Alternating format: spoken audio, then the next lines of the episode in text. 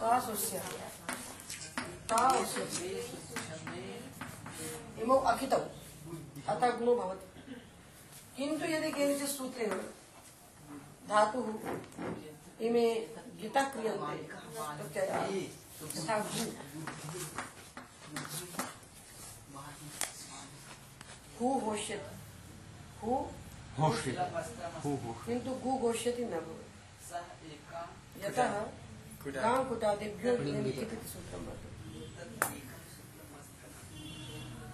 सा- धातवः सन्ति तत्र पञ्चत्रिंशत् धातवः सन्ति कुटादयः। ये आपको पढ़ना ही पड़ेगा। इनके बाद आने वाला प्रत्यय कित हो जाता है? कैसा प्रत्यय? अयुनित। युत युनित भिन्न। जो प्रत्यय होगा वित हो जाएगा? तरी कुता पुष्यत ध्रुव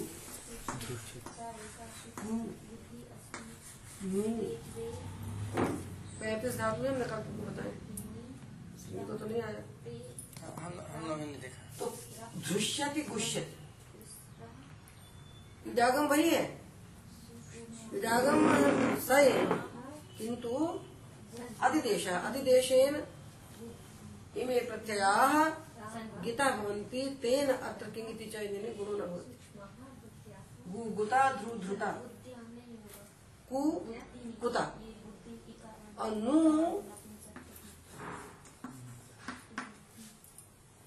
तो बता रहे हूँ? यहाँ नहीं देखोगे तो यहाँ गिर जाओगे। आपको दो तरफ़ देखना है। दो साइड। विदागम अतिदेश विदागम। अयम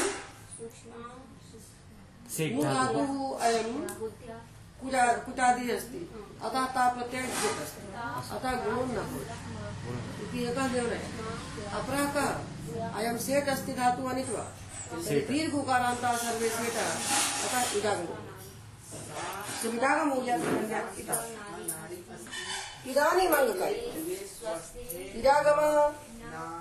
देन अतिदेश देन अङ्गकार्यं देन सन्धि इदागम अतिदेश अङ्गकार्यं सन्धि अयं क्रमः। इदागमः अतिदेश। अंगकार्य संधि तो ये धातु से इदागम किया। इत्यादि है। तो ये गित हो गया। गित हो गया तब अंग कार्य क्या करें? ये ऊ है ये ई है। हाँ, हाँ? संधि ओ गुणम अंधकार्यं अस्ति। अतः तर्हि किं किं भवति?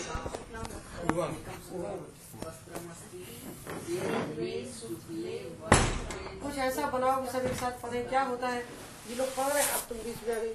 चलो, कुछ ऐसा समय बनाओ कि एक साथ सब लोग पढ़ो तो अभ्यास बनेगा। बैठ जाओ। कल भी बताया था। बताया? तुमको तो बताया, बनवाया था। ई ऊ यहाँ है ई ऊ यहाँ है अच सबसे पहले आएगा इको तत्प्रवाद्य। सा धातु का धातु की हो अनन्तरं यदि प्रत्यक्षित अस्ति तदा सा धातु, पा धातु इति सूत्रं प्रबाद्य किमिति च इति गुणनिषेधः। गुणनिषेधे सति।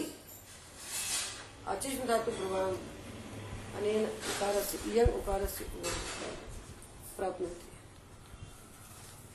तस्य वर्तते एरनेकाचो पुष्टो सा धातुके। अत्र न नास्ति। अतः अस्य भवति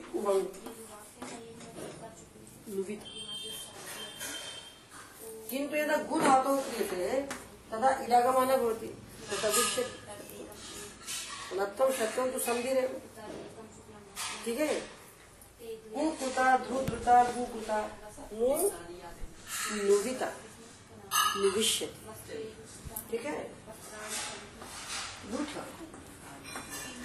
स्यति किं रूपं स्यात् लुठ कथम सेठ कैसे जानोगे? जो 102 धातु हमने कही जो नहीं कहे वो से तो मया ककारान्ता उक्ता अनन्तरं चकारान्ता तर्हि खकारान्ता गकारान्ता घकारान्ता नोक्ता ते सर्वे सेट है। सेट अनन्तरं छकारान्ता उक्ता जकारान्ता झकारान्तानोक्ता ते तवर्गा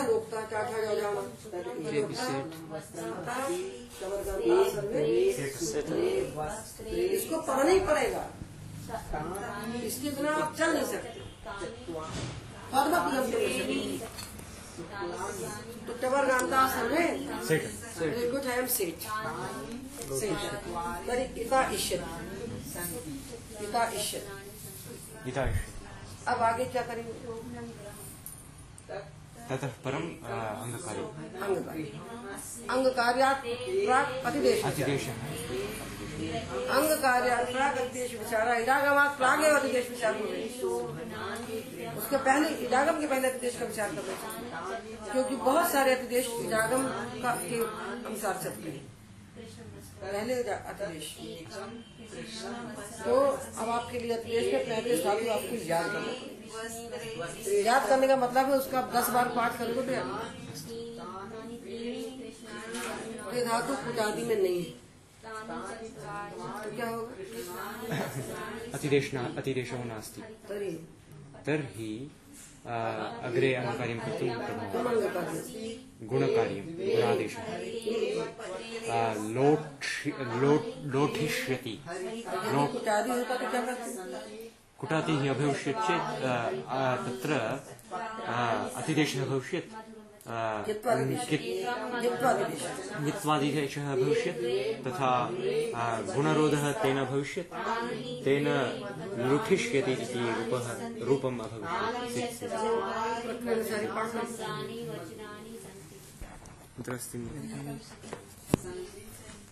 प्रक्रिया सारी पाठ अत्र अस्ति प्रत्येकम गुण से प्रयोजन भवति।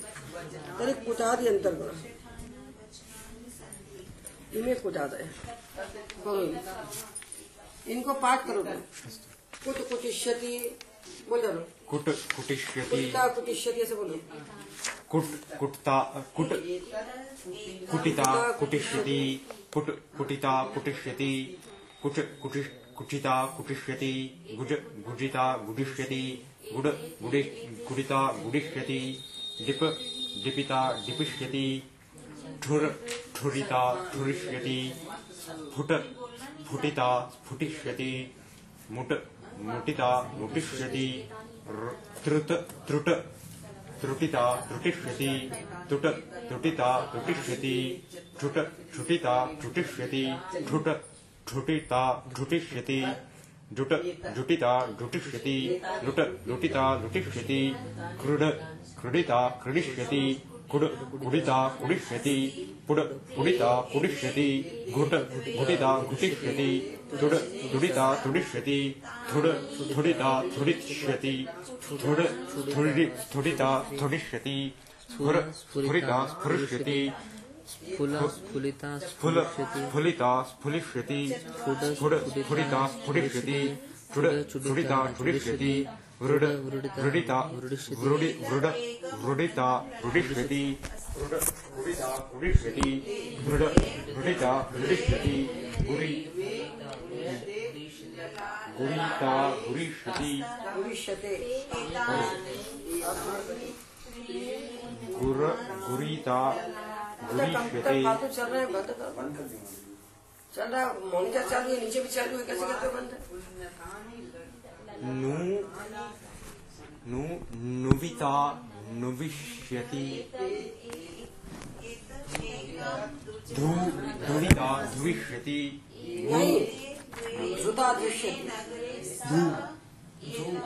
धू धू ऊकार गु गु गविता। कुत्ता गुष्यति क्रुष्यति क्रुं क्रुष्यति गु? ह्रस्वकारान्तानां मध्ये षडेव सेटः अतः अयम् तर्हि रूपं गुता गुविष्यति। गुष्यति गुष्यति। गुता गुष्यति। गुता गुष्यति। ध्रु अ, ध्रुव सेट् अस्ति किल कौन सा? ध्रुव ध्रुव ध्रुव किमर्थं षट् सेटा सन्ति अनिच् अनि तर्हि धृता धृष्यति कृञ् क्विङ् क्विङ् कुङ् कुङ् कुङ् कुङ् कुता पुष्यते ते आत्मनेपदी कुता पुष्यते हो गया? ये छब्बीस ये पैंतीस धातु हैं। ये कंठ में होना चाहिए। एक वर्ग आपको तैयार करना पड़ेगा। नहीं तो ये बीच में कैसे बनाओ लोचिष्यति। और कुट कुटिष्यति। कुट कुटिष्यति और लुठ लोचिष्यति समझ गए? ये अतिदेश हो। अतिदेश मालूम हो गया जागम मालूम हो गया। तो बन गए सब। अभ्यास कराओगे? शुरू तो हम आगे चले। अत्र म्, अस्- अस्मिन् गणे यत्र इडागमः भविष्यति तु भविष्यति किन्तु गुणः न कुत्रापि भविष्यति इति मुख्यम्। गित्व से प्रयोजन निषेध गुणनिषेधः। गित्वादि देश से प्रयोजन किम? गुण निषेध गित् अतिदेश पृथक भवति, जागम पृथक भवति, तस्य इडागमे किं प्रयोजनम् अतिदेशस्य प्रयो- गित्वादिदेशस्य प्रयोजनं भवति गुणनिषेधः। यदा गित्वं क्रियते, तदा गुणनिषेधः कृते एव क्रियते। अतः गित्वे गुणनिषेध।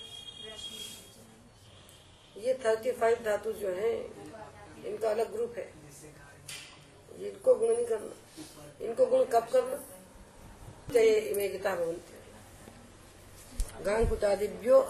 गित् यदा प्रत्यय गित् भवति भवति भवति तदा इमे गीता न भवन्ति कौन सा प्रत्यय गित होता है ये से भिन्न प्रत्यय गित होता तो यदि इन धातुओं से हम लगा देंगे, जैसे हमने गु धातु से लगाया गुल अभी है। अब ये गित नहीं होगा। ऋत प्रत्यय गित नहीं होता। और इससे हमने लगा दिया घय ये भी गित नहीं होगा। क्या कहता है सूत्र? गांग कुटादिभ्यो ये अयिन गित ऋत भिन्ना, यित भिन्ना प्रत्यय गित ये यतः सन्ति उनितः सन्ति ते गितः न भवन्ति। अतः भूधातोणो प्रत्यय किम रूपम स्यात्? अयम ऋत अयम यित गवन गुणः न भवति? किम भवेत् अतिदेशस्य प्रयोजनम् अत्र अतिदेशः न भवति इदं मया उच्यते। भिन्ना प्रत्यय भवन्ति तेषामेव गित्वं जाय सूत्र पढ़ो ना भाई देखो सूत्र को देखो। न भवन्ति उनित प्रत्यय आगिता न भवन्ति। ते यथा सन्ति तथैव भवन्ति। आप बोलो क्या रूप बने यानी बोलो आप शुरू। ये गित नहीं होंगे? गवन समझ रहे हो? बोलो क्या बनेगा इसका जो नीति केवल सावधातु का आधातुकियों का अपवाद है और किसी का नहीं। ये गीत नहीं हुआ? गीत नहीं होने से गुण प्राप्त हुआ। गुण को बाध करके तो गाव का। घाय में गावा। गाव का। समझे? गीता न भवंती उन्हें प्रत्यय भिन्ना प्रत्यय गीता भवंती देखो। कुटादि ये सन्ति तेभ्यः पराः। हितमित भिन्ना प्रत्यया समझा? समझा? नहीं। नहीं उनको भ्रांति है। भ्रांति तत्र किं भवति? यदि प्रत्यये प्रत्ययः नियत् अस्ति अथवा णित् अस्ति तर्हि अयम् अतिदेशः अस्मिन् सूत्रे न प्रवर्तते अतिदेशः न भवति अनेन सूत्रेण गित्वं विधीयते प्रत्ययानां गित्वेन प्रत्ययानां गित्वं न भवति। नूल् णित् अस्ति घाय् यत् अस्ति अयम् यत् नूल् णित् अस्ति घाय् यत् अस्ति घाय् यत् अस्ति अतः हाँ, अतः तु गित्वं न भवति न भवति सूत्रे द्वौ प्रत्ययौ वर्जयित्वा नितम से वर्जयित्वा जितम उचित समझ गए? बताओ। नाम ये एणित् अस्ति चेत् ङित् ङित् न भवति। और जितने नहीं होगा तो गत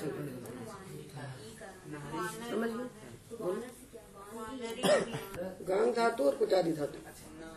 णित है और या ङित है तो उनमें ङितवत नहीं होता है। तो वो गित नहीं होगा। इसके बाद जो अचौणित से वृद्धि हो जाती है। और बाकी जो प्रत्यय होंगे वो गित हो जाएगा। तो वहाँ कुछ नहीं होगा। वहाँ कोई वृद्धि बाकी जो प्रत्यय होंगे वो सब गित हो जाएगा। तो ताश भी गित हो जाएगा, स्या भी गित हो जाएगा, अनियर भी गित हो जाएगा, तून भी गित हो जाएगा तबियत भी गित हो जाएगा। गुता, गुतुम, गुतव्यम, उष्यति, सब गित हो जाएगा। गु के बाद अनियर आएगा। गु के बाद अनियर आएगा। क्या बनाओगे? गु, अनियर आएगा। क्या बनेगा? अनिय अनिर् न णित् अस्ति न वा ङित् अतः ङित्। अस्ति। अतः गुणः न भवति। तर्हि किं भवति? अतः गु गु। अस्ति तर्हि अस्य किं भवति? यही तो प्रैक्टिस करना है अस्ति अतः गुणः च न भवति। तर्हि किं भवति? न भवति इत्युक्ते किं भवति इत्यपि कित हो गया आज़ादी और दुबंग हो जाएगी आज़ादी कित कित होगा? तो उबंग आज़ादी कित कित तो उबंग अभी उन्होंने में बताया है?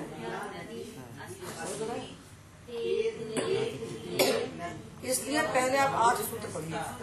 आठ। आठ सूत्र पढ़िए। सबसे।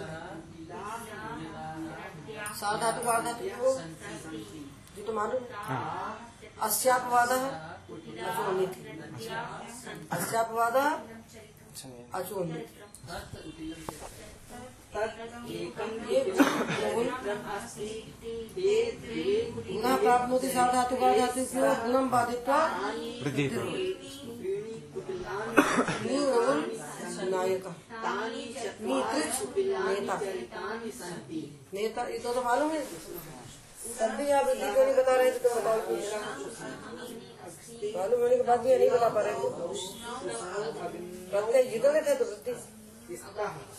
और कितगत है तो निषेध।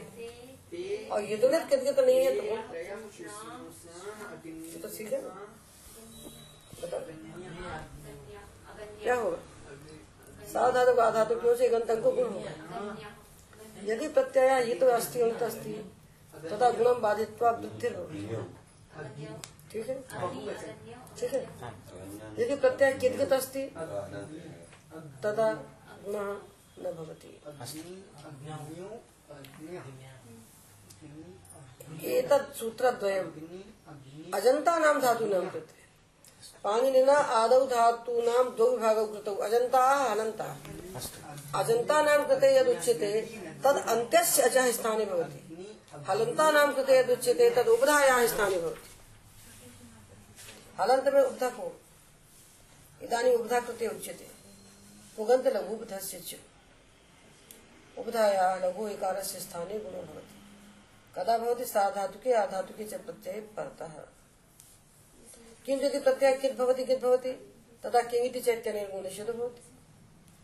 कितने सूत्र हो गए सात सा धातु का धातु क्यों अनंतरम अचोनिति। अनंतरम किंगिति च।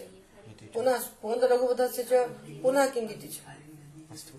उसके लिए किंगिति फिर दोबारा पढ़ो हो गए। पाँच हो गए। पाँच अब इसके बाद इनके अपवाद। इसके बाद इनके अपवाद। इनके अपवाद बताते हैं। अंत के एक को गुण होता है। और जितने प्रत्यय परिवहन में वृद्धि होती है उसका अपवाद हुआ। किंगित ने रोक दिया। कुछ नहीं। जब कुछ नहीं होता किंगित से गुण निषेध हो गया, तब हम इगंत अंग को क्या करें? प्रॉब्लम है ना? प्रॉब्लम है, तब हम क्या करें? तो हमारे सामने आता है अचिष्ट धातु प्रभाव योग योग योग। ये कहता है, ई को तो यंग कर दो। उनको उभंग करो, कदा यदा प्रत्यय आज़ादी होती आज़ादी न होती, तदा किमपि न करणीय ठीक है? एक, आप तय करिए लाइन ऑफ़ एक्शन कि आपको करना क्या है? दोनों को पहचानना पड़ता है। ये धातु है। मी ठीक है? हाँ। ये आया ता गुण हो गया। ये नहीं था इससे आया गुण। क्या हुआ?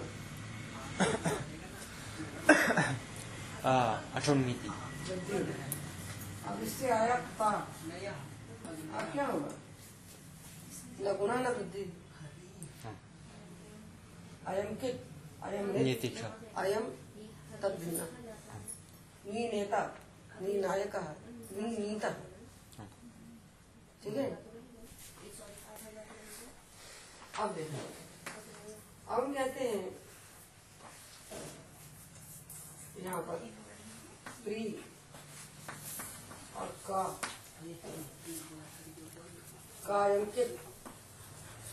इदानीं किम भवेत्? प्री क अब क्या करेंगे? आज़ादी अस्ति तथा आज़ादी है और कित है? कित क्या करेंगे? अस्ति। इयम् ये बनेगा। प्रिय बनेगा समझ?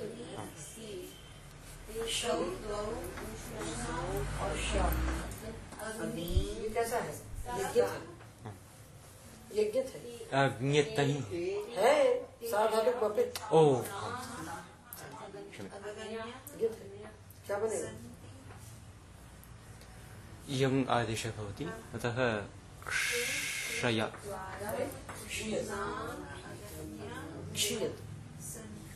ओ इयम् आम्। क्षीय क्षीय। क्षीयत। क्षीयति। अस्तु ठीक है ये मिल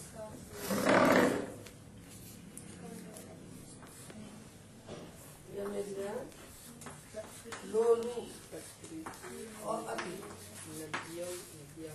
ये उकारांत ये अति कैसा है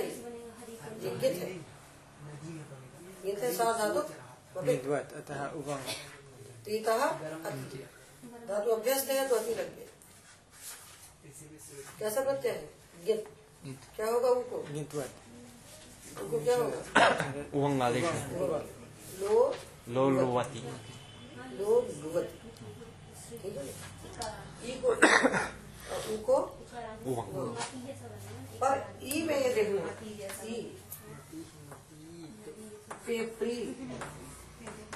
और अति और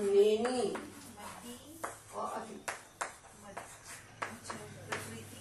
ये ई और ये को भेद है अयम संयोग पूर्व ही। है अयम असंयोग पूर्व ही। है यदा संयोग पूर्व इकार भवति तदा इयम् असंयोग पूर्व भवति तदा एर अनेकाचो असंयोग पूर्व स्थिति। अत्र भवति मेन्यन् अत्र भवति पेयत् और उकारस्य उभंग प्रत्यय ही आपको डायरेक्ट करेगा क्या करना है? कोई नहीं बताएगा। जैसे हम लोग परलोक में जाते हैं ना तो हमारे साथ कोई नहीं जाता। वहाँ हमको, वो हमारा धर्म अधर्म बताता है क्या क्या क्या करना है। इसी, इसमें कोई नहीं बताने वाला। इसमें आपका यही बताएगा। अनुबंध और अतिदेश अत्र ककारा अनुबंध दृश्यते। किंतु अत्र गकारा अनुबंध न दृश्यते। अयम अधिदेशेन ज्ञायते। अयम गित अयम गित गित अतः यदा प्रत्यय गित भवति अजाति भवति तदा अचिष् धातु प्रभाव अनेन इकारस्य इयम् उकारस्य भवति। तत्र किमर्थं तेनैव सूत्रेण न भवति? नेन नेन्यति असंयोगपूर्व। तस्य अपवादः अस्ति एरनेकाचो असंयोगपूर्वस्य।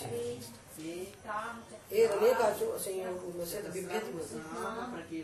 यदि इकारस्य पूर्वं संयोगः भवति तदा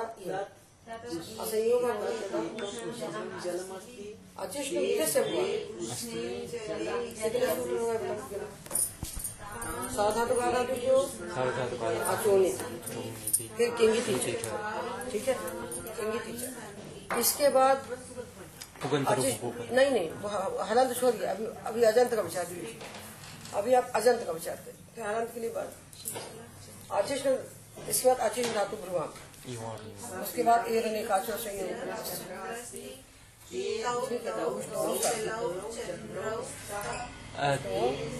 पुष्ट वो सार्वधातु ठीक है। दुर्गेश? इका- इगन्तानां गुणः भवति। साधकवादः इत्येव वृद्धिर्भवति। गीतिनिति किति किति गुण वृद्धि न होता। है वृद्धि न होता। है ठीक है ना? दो यदा गुणो न भवति, वृद्धि न भवति तदा किं भवति? तदा इकारान्तस्य इयं भवति, अजादौ उकारान्तस्य उयं भवति, अजादौ किति ऋकारान्तस्य किं भवति? ऋकारान्तस्य यण भवति। इको यण ऋकारान्तस्य यण भवति सामान्य बता विपरीत विपरीत अति अयं अतः गुणः न भवति। तदा इको यण बिभ्रति तदा हो गया? किंतु इकार के लिए, उकार के लिए दो राशि इकार जो है इसको जड़ भी हो सकता है। और ये भी हो सकता है। उकार को भी जड़ हो सकता है जड़ और उगम ये दो में से एक हमको चूज़ करना है।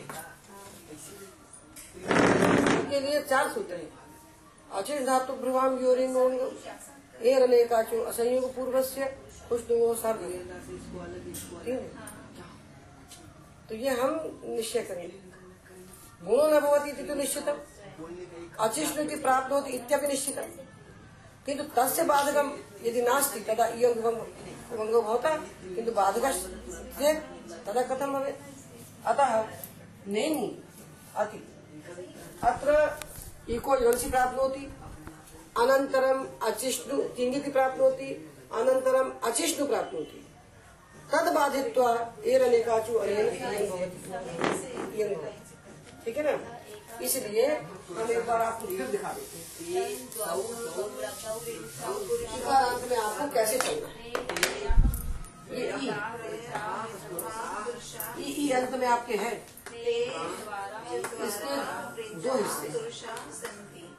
यदा गुणो न भवति, तदा कथम एकाच और अनेकाच दो प्रकार का ई होता है। एकाच और अनेकाच यदि एकाच है तो इसके दो वर्ग बनाना। इन धातु और शेष धातु इन धातु इणो यण होता है इन धातु इणो यण एकाच धातु नाम द्वौ वर्ग। एक इण धातु इण गतौ किं किम् एन् एन् तदा इण अन्य एकाच धातु। तर्हि अस्य भवति यम। यथा इ अन्ति अस्य भवति य अन्ति। यन् ठीक है? अन्येषां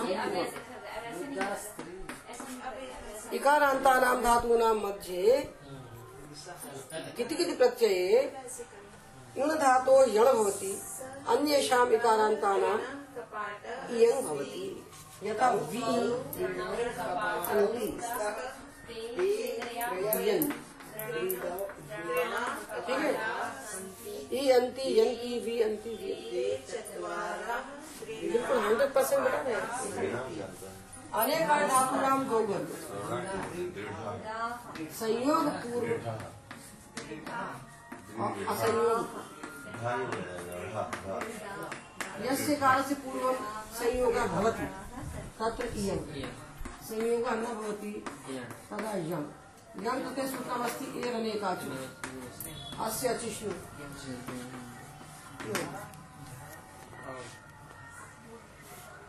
इसको लिख लो